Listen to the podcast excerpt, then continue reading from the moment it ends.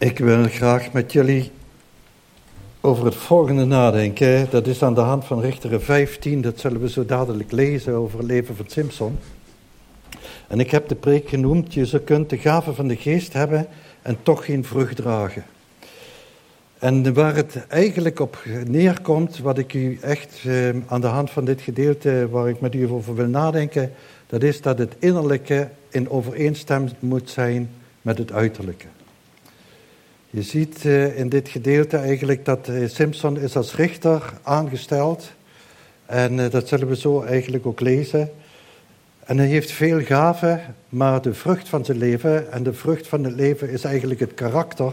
De gave, daar waar ik over wil spreken, dat is natuurlijk de dingen die God ons geeft en toerust om dingen te kunnen doen. Maar de vrucht is wat God eigenlijk in ons leven laat zien, zoals ook Gelaten 5 vers 22 zegt. Dat is eigenlijk het karakter van Jezus in ons leven. En het tweede waar ik met u over wil nadenken, dat is eh, over dat we eigenlijk altijd zo ontzettend gericht zijn op het doen. Wat we kunnen doen. Wat we kunnen doen voor God. Dat is, moet voortkomen uit wie we zijn. En je kunt het loskoppelen. Je kunt die dingen die eh, je identiteit gaan vormen uit de dingen die we doen, in plaats dat we kijken wie we zijn. En in het leven van Simpson, dat is eigenlijk een hele grote kloof tussen wie hij is en wat hij doet en wat hij innerlijk en uiterlijk eigenlijk uitstraalt. En dat is nu de achtste preek die ik eh, houd in de serie van uh, boekrichteren. Ik zal nog twee keer daarover spreken.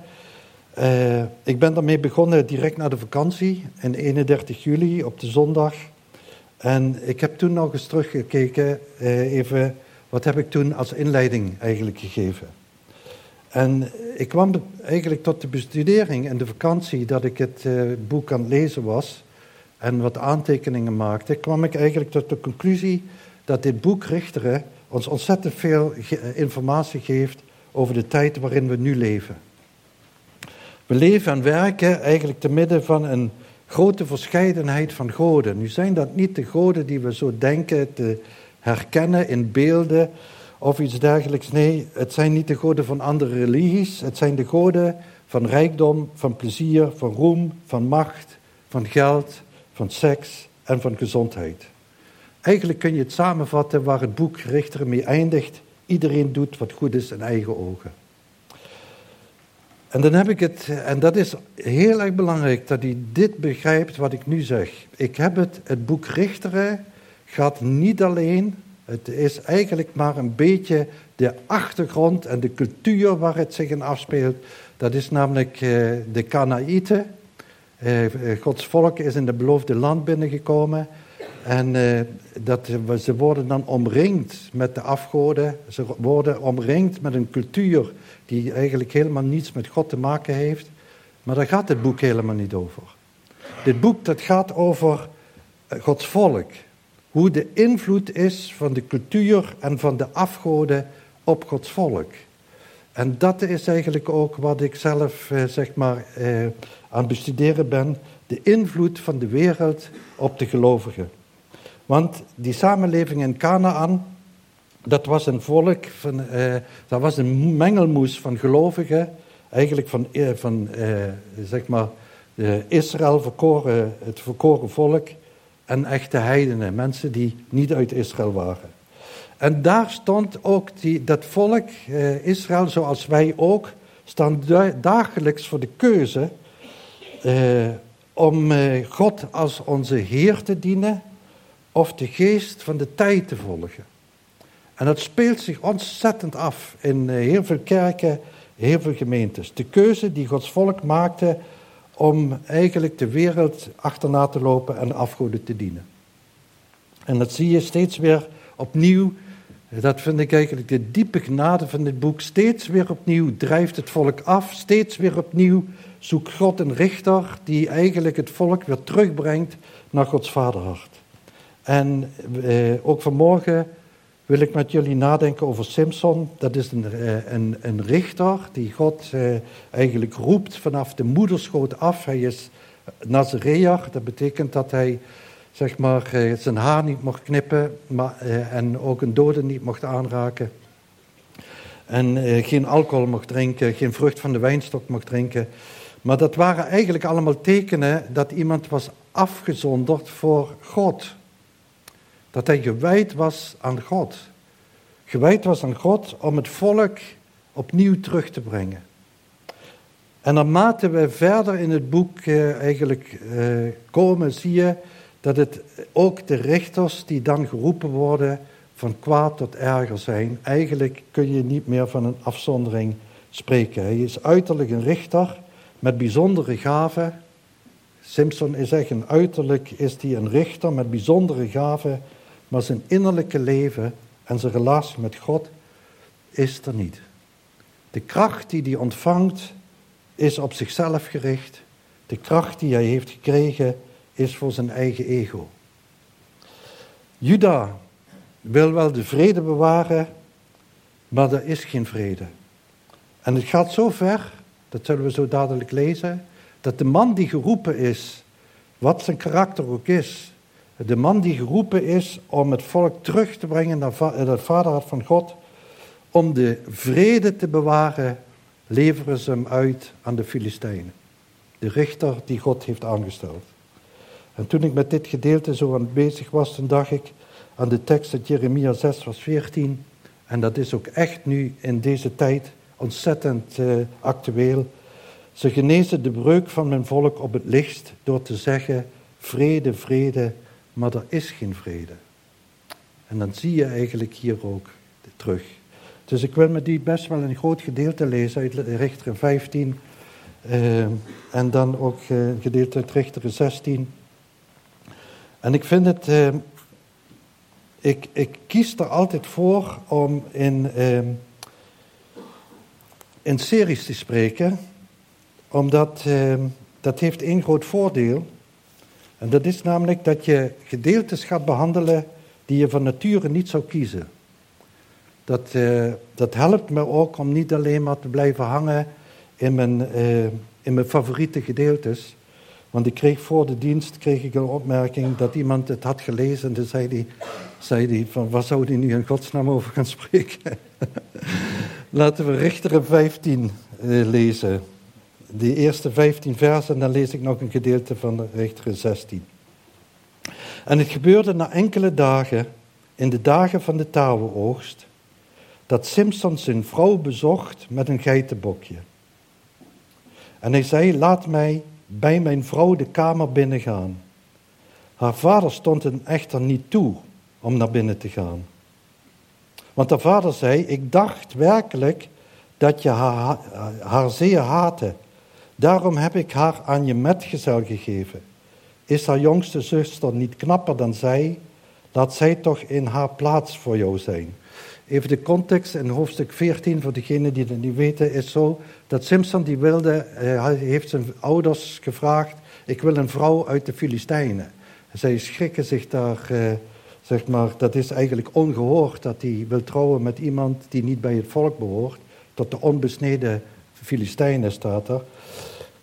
Dan gebeurt het zo dat hij weggaat en zijn, de vader van de bruid, of de vader van de vrouw van Simpson, die geeft hem aan iemand anders. En hij is weg en nu komt hij terug en wil hij naar zijn vrouw toe. En nu blijkt dat die vrouw eh, alweer naar, aan iemand anders gegeven is. Waarom vertel ik dat? Dan begrijpt u een beetje van de cultuur waar het daarom draait. Dus eh, die hele context die is ontzettend belangrijk. Dat we echt weten van waar hebben we eigenlijk mee te maken. Toen zei Simpson tegen hen, ik ben deze keer onschuldig tegenover de Filistijnen als ik een kwaad doe. Vers 4, en Simpson ging op weg en ving 300 vossen. Moet je kijken, wraak op wraak. Hij nam fakkels, keerde de staart aan staart en maakte in het midden tussen elke twee staarten een fakkel vast. Hij stak de fakkels aan en liet ze door het staande koren van de Filistijnen lopen. Zo stak hij zowel de korenhopen als de staande koren in brand, als ook de wijngaarden en de olijfbomen. Toen zeiden de Filistijnen, wie heeft dit gedaan? En men zei, Simpson, de schoonzoon van de man uit Timna, omdat die zijn vrouw genomen, eh, omdat die zijn vrouw genomen en haar aan zijn metgezel gegeven heeft. Toen trokken de Filistijnen daarheen en verbrandden haar en haar vader met vuur. Even tot je laten doordringen wat daar gebeurt. Dus eh, weer een wraakactie en nu op de familie. Ze hadden eigenlijk toen al, eh, in hoofdstuk 14 hadden ze dat meisje gedreigd, dat als jij niet dat, eh, dat oplost, uh, het raadsel wat hij ons heeft gegeven, dan zou je met vuur verbrand worden. Toen heeft ze dat ontfutseld in eh, hoofdstuk 14. En dan zie je eigenlijk dat het nu het oordeel toch over haar komt. Daarop zei Simpson tegen hen, als u zo doet, zeker, dan zal ik me op u wreken en pas daarna ophouden.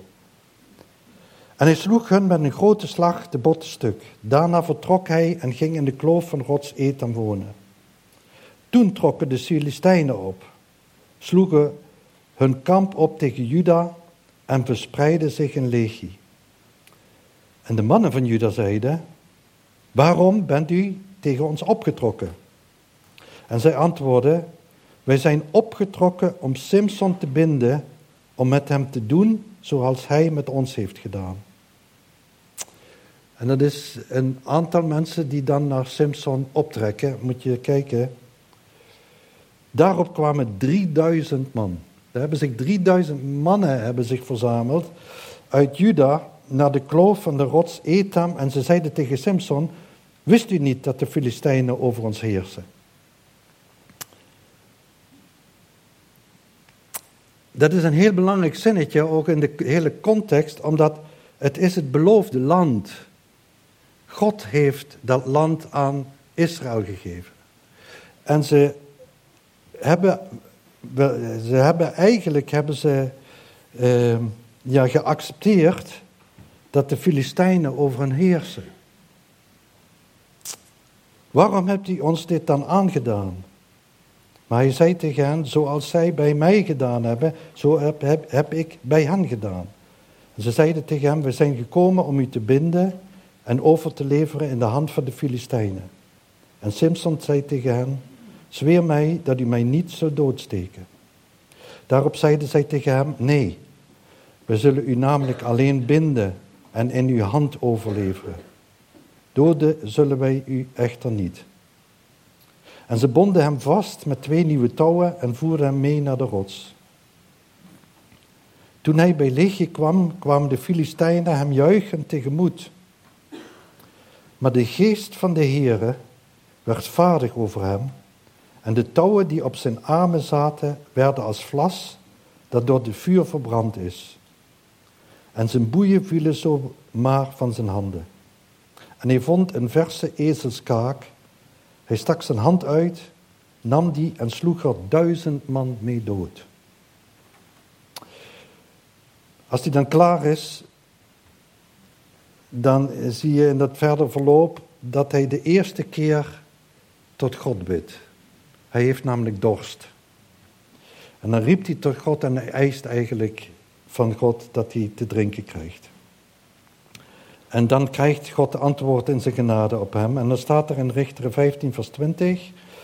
En hij gaf leiding aan Israël in de dagen van de Filistijnen, twintig jaar lang. Dan lees ik nog vers 16 eh, van hoofdstuk 16 uh, eh, met u, een stukje. Eerste drie versen, om u een beetje het karakter te laten zien. Simpson ging naar Gaza en zag daar een vrouw die een hoer was en ging, en ging bij haar binnen. En de inwoners van Gaza werd, eh, werd gezegd, Simpson is hier gekomen. Zij omsingelden hem en loerden heel de nacht op hem in het stadspoort. Ze hielden zich echter heel de nacht stil want ze zeiden, tot aan het morgenlicht, dan zullen we hem doden. Maar Simpson bleef tot middernacht liggen. Toen te middernacht stond hij op, greep de deuren van de stadspoort met beide posten en trok ze los met grendel en al. En hij legde ze op zijn schouder en droeg ze omhoog naar de top van de berg die tegenover Hebron ligt. Vader, we willen u zo bidden dat u ons echt eh, met dit gedeelte tot ons hart wil spreken. O Vader, wat is het toch bijzonder dat u steeds weer genade toont. Wat is het toch bijzonder dat u ook Simpson gebruikt om uw koninkrijk te bouwen. Om uw genade te tonen. Dat bidden we zo in Jezus' naam. Amen. Weet je, als je hoofdstuk 15, eh, zoals we dat nu gelezen hebben, dan zie je eigenlijk dat de ene wraakactie volgt op de eh, andere. De Filistijnen nemen de wapens op tegen Simpson en ze nemen hem te gevangen. En Juda wil die schijnvrede bewaren. En ze gaan, zoals we gelezen hebben, met 3000 man op weg om hun richter uit te leveren. Je moet zich voorstellen wat eigenlijk hier gebeurt. Dat is zo ontzettend ernstig. Ze mogen dan wel Gods volk heten, maar leven liever in de vrede met de wereld. Ze vereren liever de afgoden om zo niet in de problemen te komen. Hun eigen bevrijder leven ze eruit aan de vijand. En daar ben ik eens bij blijven stilstaan. Ik heb toen eigenlijk gedacht van, hoe is het nu in deze tijd? Hoe is het nu in deze tijd? Het is een ontzettende uitdaging om als christen in, tegen de stroom in te zwemmen. Als je met onze cultuur en de normen en de waarden, als je die mee overneemt, dan zul je helemaal geen tegenstand ervaren. En ik denk dan in het bijzonder aan de ethische onderwerpen die intens eigenlijk op dit moment eh, spelen, overal in de media. En daar worden we mee overspoeld. En laat ik, voordat ik dingen noem, eerst even aanhalen dat ik ontzettend goed besef dat het voor de mensen die betrokken zijn, dat dat heel veel verdriet heeft en pijn en afwijzing. Ze zoeken erkenning en acceptatie, zeker als het gaat om ethiek. En ook wij, Rietje en ik, worden vaak daarmee geconfronteerd dat er ontzettend moeilijke keuzes zijn. En dat je soms ontzettend moeilijk het vindt om mensen echt te helpen en bij hen te staan. Maar die dingen staan niet tegenover elkaar. Dat moet hand in hand gaan met Gods volk. En waar heb ik het nu over? Waar ik het eigenlijk over heb is dat God een man en een vrouw geschapen heeft. En weet je, we worden, dat kun je niet ontkennen. Weet je, we worden overspoeld met genderneutraal. Of eh, dus dat je pas later het geslacht gaat kiezen. Er is nu een wetgeving in de maak dat je eigenlijk eh, zeg maar je geslacht in het paspoort kunt laten veranderen. En ik weet dat dat allemaal met heel moeilijke situaties te maken heeft. En ik doe ook niks af van de mensen die in deze problematiek eigenlijk eh, gekomen zijn. Maar het is wel zo dat je dus moet zien dat je eh, zegt dat de Heere God, die heeft een man en een vrouw heeft geschapen. En ik denk dat het heel belangrijk is dat, eh, ja, dat we daar ons over uitspreken. Omdat in de, in de scholen wordt er, zeg maar, een coming-out day wordt er georganiseerd. En dan zie je eigenlijk de grote problematiek alsof het normaal is. En ik weet dat als je dit door dingen bespreekt of bespreekbaar maakt, ik heb het zelf met Rietje aan de lijf ondervonden, dat we ongewild in een situatie terechtkwamen met die Nashville-verklaring, dat we ongewild in een situatie terechtkwamen waar we enorm onder druk werden gezet om zeg maar dit, dit, deze dingen te ontkennen. Dat God een man en een vrouw zeg maar, bij elkaar brengt om een huwelijk te maken. Dat er eh, een, in, in, met elkaar te verbinden. Dat er een horizontaal verbond is tussen een man en een vrouw. En een verticaal verbond tussen God en, en de man en vrouw en God. En het staat ontzettend onder druk. Er wordt verwacht dat we dat onderschrijven, dat je kunt trouwen met iemand van hetzelfde geslacht. En ik zet me niet af tegen dingen. Wat, ik wil doen, wat, ik, wat, wat wij doen, dat is dat we echt willen zeggen, een huwelijk, een bijbels huwelijk, is tussen een man en een vrouw. En weet je, ik was, uh, we hadden een diep uh, gezegende dag toen uh, zeg maar, onze oudste kleinzoon eigenlijk trouwde met zijn vrouw, nu zijn vrouw Janne. En Stefan, de vader van de bruidegom, die, uh, die had de Bijbel deed hij uitreiken. Huwelijksbijbel. En hij refereerde daar naar uh, Genesis 2, dat er staat, daarom zal een man zijn vader en moeder verlaten en zich aan zijn vrouw hechten en ze zullen één vlees zijn. En hij benadrukte toen iets wat me eigenlijk nog nooit zo is opgevallen. Want in Marcus 10, daar staat dat de Heer Jezus voegt er iets aan toe. Dus dat, datgene wat ik nu citeer is Genesis 2, maar de Heer Jezus voegt er iets aan toe. Ik, ik had het me nooit gerealiseerd dat hij iets toevoegt. En wat hij toevoegt is, dus wat God samengevoegd heeft, laat de mens dat niet scheiden. Dat voegt hij toe. En dan zie je in onze maatschappij is het echter zo dat er een huwelijksvertrekking bij de wetgever wordt er bij voorbaat een regeling getroffen dat het op een scheiding wel zal uitlopen. Waarom zeg ik dat? Standaard is nu dat er onder huwelijkse voorwaarden wordt getrouwd. Die wetgeving is veranderd voor eh, zeg maar 1-1-2018. Voordat je voor 1 januari 2018 was standaard in de wet dat je in gemeenschap van goederen trouwde. Dan had je alles gemeenschappelijk. Op het moment dat je dus samenkwam, was hetgene wat van je man was, was van de vrouw.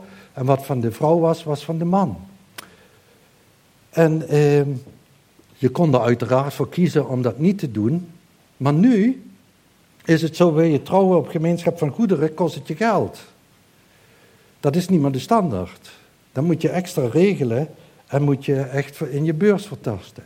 Omdat de wetgever eigenlijk ervan uitgaat, van, eh, ook statistisch gezien, zijn er zoveel huwelijken die op de klippen lopen. Laten we het nu maar eens even regelen, dat eh, als het op een scheiding af, aankomt, dat, eh, dat, het, dat de inboedel dan al van tevoren goed geregeld is.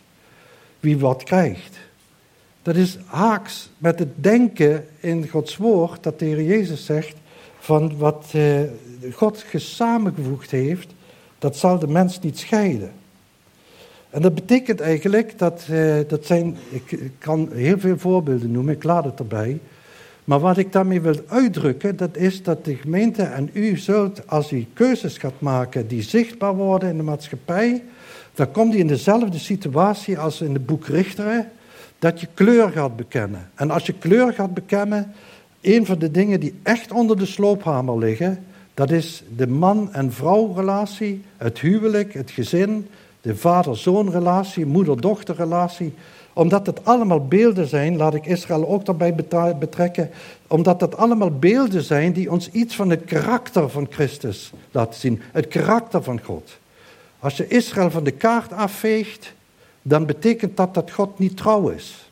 Dat hij zijn belofte niet kan houden. Vandaar dat dat volk zo ontzettend onder de druk staat en dat iedereen zijn handen daarvan aftrekt. Maar als je, zeg maar, je, als je kleur gaat bekennen en je zegt onder die sloophamer eh, waar het gezin onder staat, waar het man-vrouw relatie onder staat, waar het geslacht onder staat, als je daar kleur gaat bekennen, kom je ontzettend onder druk. En soms gebeurt het dan dat, zoals wat met Simpson gebeurt, dat we dan voor de lieve vrede kiezen en diegenen die daarvoor staan en op de bres staan, dat die als het ware worden uitgeleverd. De waarden en de normen waar die mensen voor staan, als ze de Bijbel openen, dat je, dat je dan zegt van we trekken onze handen ervan af. En uh, laat hem maar zijn eigen gang gaan. En hij vecht het wel uit. En, uh, en ik ben rustig. En ik sta niet in de belangstelling. En ik houd me op de vlakte. En weet u, dat is eigenlijk wat hier aan de hand is. Want het is namelijk zo, zoals we gezien hebben in uh, de eerdere preken, dat God een weg zoekt via Simpson om het volk weer te reinigen van de afgoderij. Dat, dat God een weg zoekt dat uh, Israël niet in een schijnvrede gaat leven met de afgoden en met die schijnheiligheid, maar dat God een weg zoekt door, door de, de uh, Simpson heen. En dat doet hij dan uiteindelijk door strijd te brengen. En dan zie je eigenlijk dat Simpson een middel is in Gods hand om te kijken dat, uh, dat de Heere God het volk weer krijgt naar zijn vaderhart. Dan staat er dat hij twintig jaar lang geeft hij leiding. Hij geeft twintig jaar leiding, in uh, Richter 15 vers 20 staat, en hij gaf leiding aan Israël in de dagen van de Filistijnen, twintig jaar lang. En Simpson heeft Israël niet gered, Juda niet gered van de geestelijke en van die feitelijke overheersing. Hij was rechter, staat er tijdens de Filistijnse overheersing. En wat nu zo vreemd is, en wat je zo ontzettend op een verkeerd been kan zetten, en soms echt wel moeilijk, eh, dat, dat je het misschien wel moeilijk vindt, dat is dat er, eh, zeg maar, regelmatig wordt er in het boek gezegd, in bijvoorbeeld Richteren 13, vers 25, en de geest van de Heere begon hem aan te vuren. In Richteren 14, vers 8 en 19 en Richteren 15, vers 14, je kunt het thuis eens opzoeken, er staat, de geest werd vaardig over hem.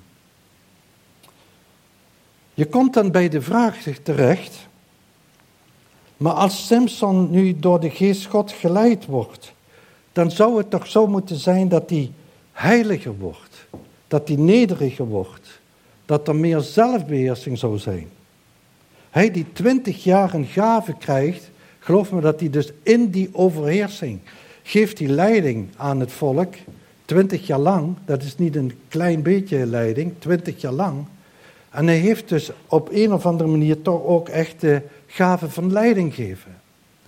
En eh, hij, dan zou je toch denken in die twintig jaar, dat zeg maar, eh, dat zijn karakter toch in overeenstemming moet zijn met de roeping die hij heeft. Notabene is hij vanaf de moederschoot afgezonderd. En als je dan leest dat Simpson op een gegeven moment, op het, eh, zeg maar, dat is een beetje het einde van zijn carrière, want de volgende keer gaan we zeg maar, over Delilah spreken en over hoe hij sterft. Dan zie je in dit gedeelte in uh, Richter 16, daar gaat hij, zag hij een vrouw die een hoer was en hij ging dan naar binnen om de nacht door te brengen. En ik ben er zeker van dat het niet ging om een kopje koffie drinken. Weet je, hoe kan dat nou? Hoe kan dat nou dat iemand, zeg maar, dat de geest van God vaardig over hem is, of dat er zo, als er staat van de geest van God begon hem aan te voeren, dat betekent eigenlijk dat er echt leiding is. Er is leiding, hij staat onder de leiding van de Heilige Geest. De Heilige Geest heeft hem als het ware bevangen en hij, eh, en hij eh, doet de dingen vanuit de Heilige Geest gedreven. En wat, hoe kan dat nou?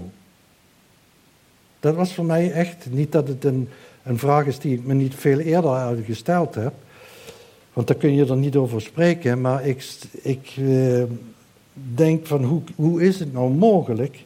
En wat de meeste gelovigen, de meeste christenen zich niet, niet realiseren, is dat de Bijbel die maakt een onderscheid tussen gave en vrucht.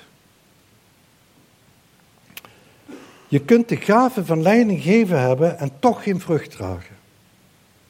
Je kunt de gave van profiteren hebben en van demonen eh, uitdrijven hebben, ik kom daar zo dadelijk op terug, en toch geen vrucht dragen.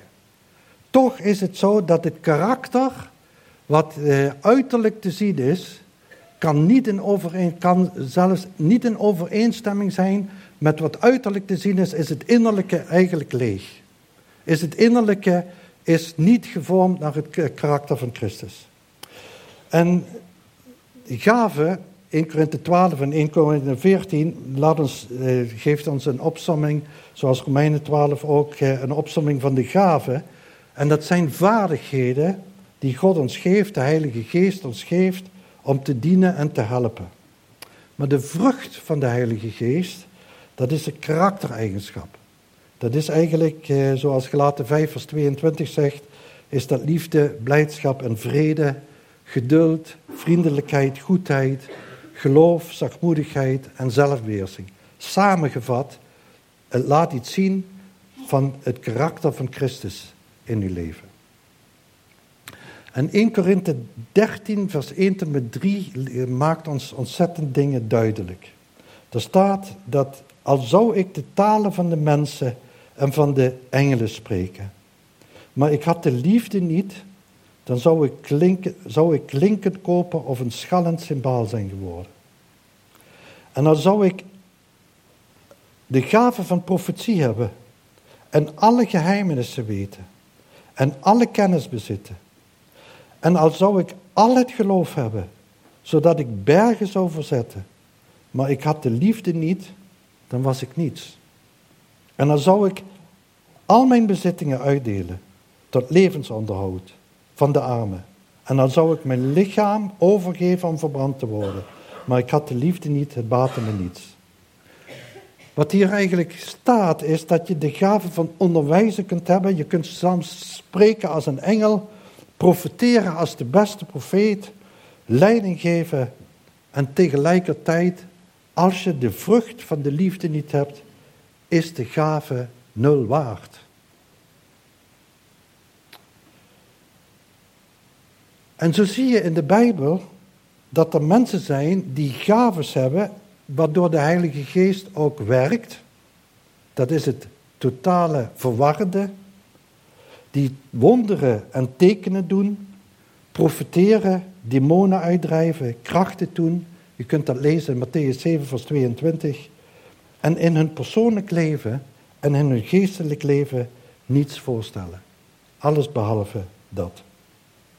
Mensen die uiterlijke tekenen en steengoede gaven hebben en in hun persoonlijk leven ja, steeds weer opnieuw vallen en zoals bij Simpson zelfs de verleidingen opzoeken. En u kunt daar als gelovige, kunt u daar ontzettend door verwacht worden. Want wij volgen vaak de gave als uiterlijk betekent, we zien de gave als een uiterlijk teken van een intieme relatie met God. Maar het zijn niet de gaven die het bewijs leveren van een innerlijk goed geestelijk leven. Het is de vrucht van de Heilige Geest. En wat overeenstemming moet zijn, is het innerlijke met het uiterlijke. En ik hoop dat u niet alleen kijkt naar anderen, maar dat je eigenlijk ook toetst.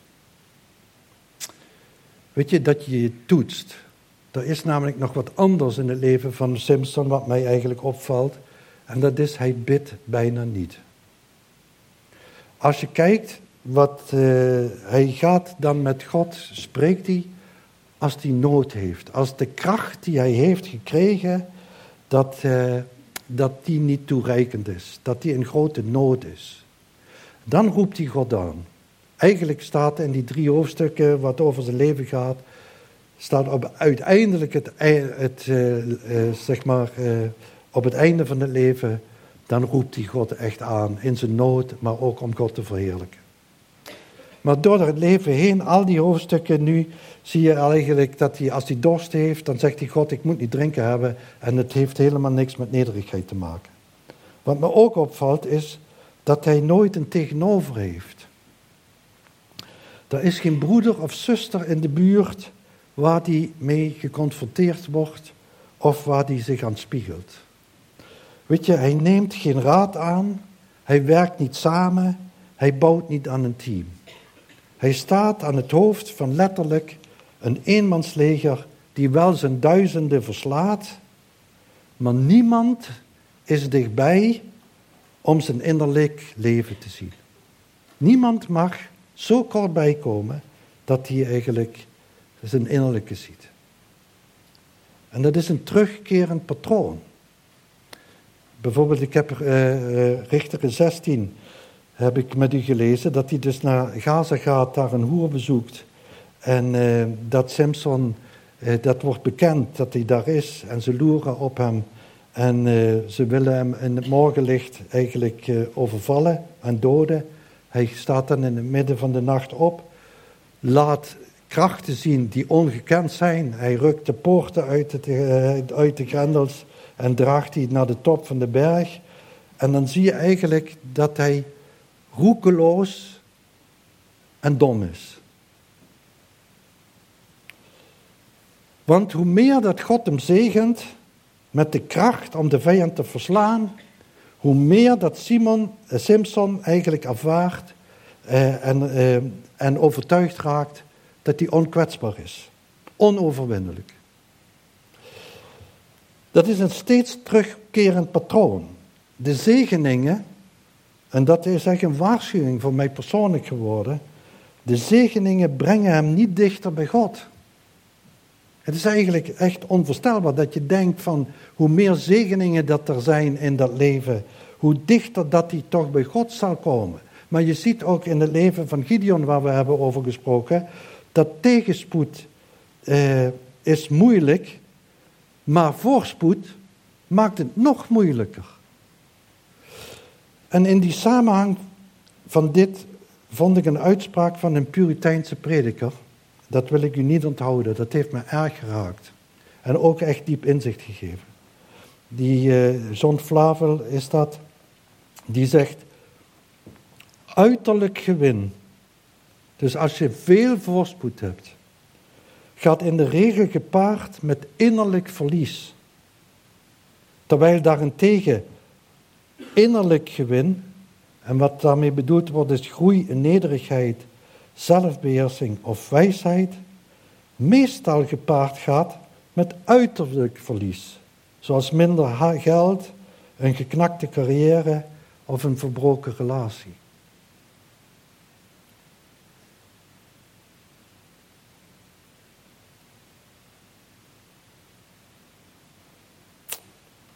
En hierin kun je zo de genade van God zien.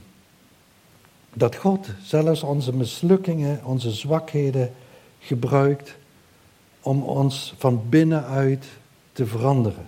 Terwijl zonde vaak de bron heeft dat we uit eigen kracht, wat God gegeven heeft, dat we uit eigen kracht eh, dat tegen Hem zelf gebruiken. En ons daarmee zelf de vernieling in werken. En dat heeft me diep geraakt. Om het verschil te zien tussen wat het gevaar is van succes, wat het gevaar is van rijkdom, wat het gevaar is van, van, van gezondheid.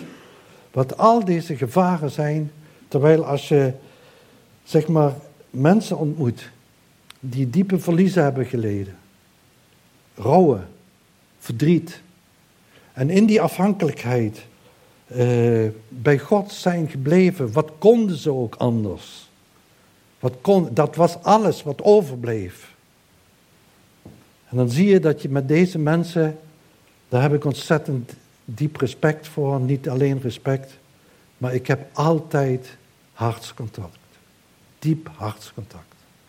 Omdat ze van binnenuit naar Christus gegroeid zijn en een die dingen wat gebeurd zijn in hun leven, die hebben ze omarmd, als het ware niet omarmd, dat ze het niet anders hadden gewild, maar dat ze zeggen, Heere God, u heeft gegeven zoals Job en u heeft genomen.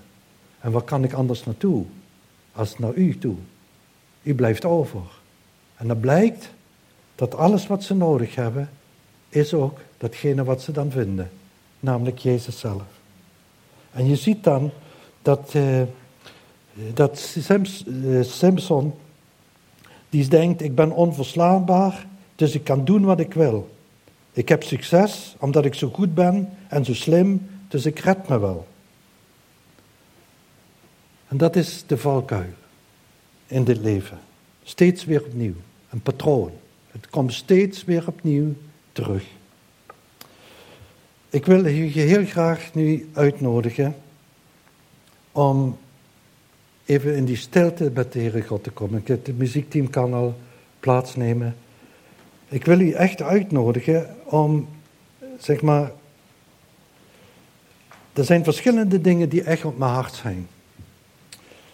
Het eerste is, het is in deze tijd ontzettend moeilijk om kleur te bekennen.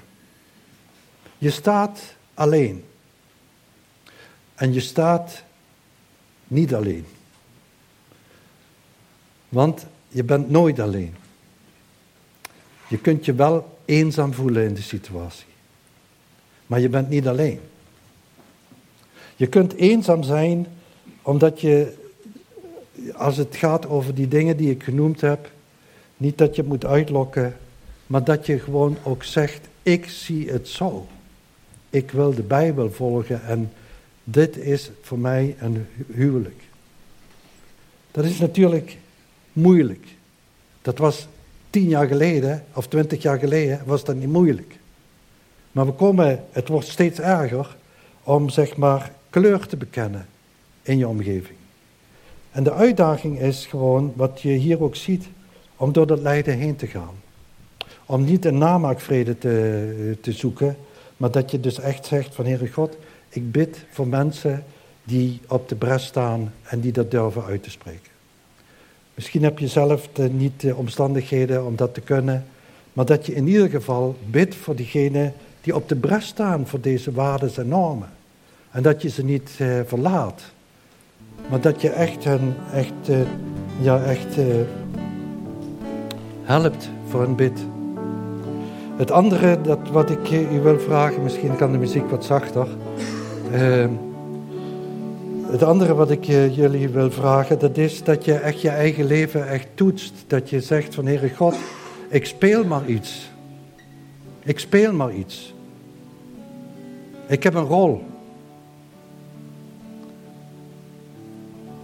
Dat het uiterlijke en het innerlijke niet in overeenstemming is. Dat je identiteit vindt in het doen. Wat je allemaal voor God doet. En dat je gewoon vlucht. En niet stil bent en niet in die vrede komt. Door te zeggen van Heer, waar het belangrijkste is, dat is wie ik ben in uw Zoon Jezus Christus. Ik wil niet in het doen vervallen. Ik wil bij u zijn. En ik wil zijn. Van daaruit wil ik u dienen. En als er dan echt iets is in uw leven, dat is soms een worsteling. Dat kan echt een worsteling zijn met God. Dat God u op een punt brengt, zoals Jacob, dat hij met u worstelt. En dan kan het best zijn dat hij een flinke tik krijgt op de heup.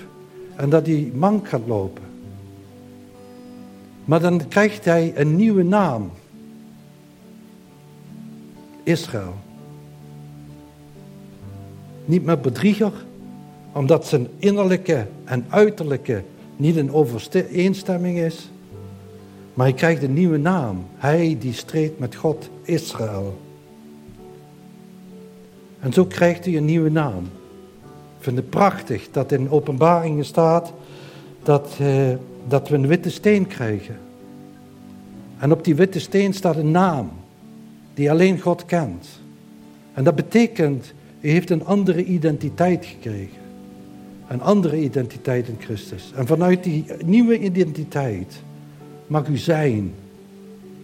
Mag u zijn. Laten we zo bidden.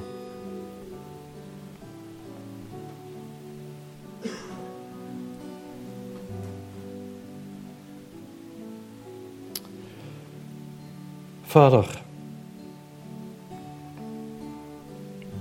o Heere God, bedouw ons zeg met de vrede van uw Heilige Geest. Bedouw ons met de diepe genade dat u zo genadevol naar ons kijkt, of we nu struikelen of niet struikelen, of we nu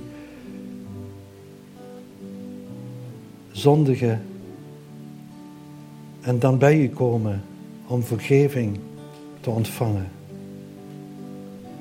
Maar Heer, we willen niet een toneelstuk opvoeren. Want u kent ons van binnen en van buiten. U weet wie we zijn. En u wilt het innerlijke met het uiterlijke in overeenstemming brengen. Dat we het karakter van uw Zoon Jezus Christus verspiegelen. En ik bid voor diegenen die diep worden geraakt op dit moment. En worden aangewezen dat u dingen door uw Heilige Geest aanwijst in hun leven. Dat ze echt de moed hebben om daarover te spreken. dit te beleiden en verfrist te worden. Vernieuwd in hun denken. Over Heer, wil u zo met ons zijn met die genade van uw Zoon Jezus Christus. In Jezus' naam. Amen.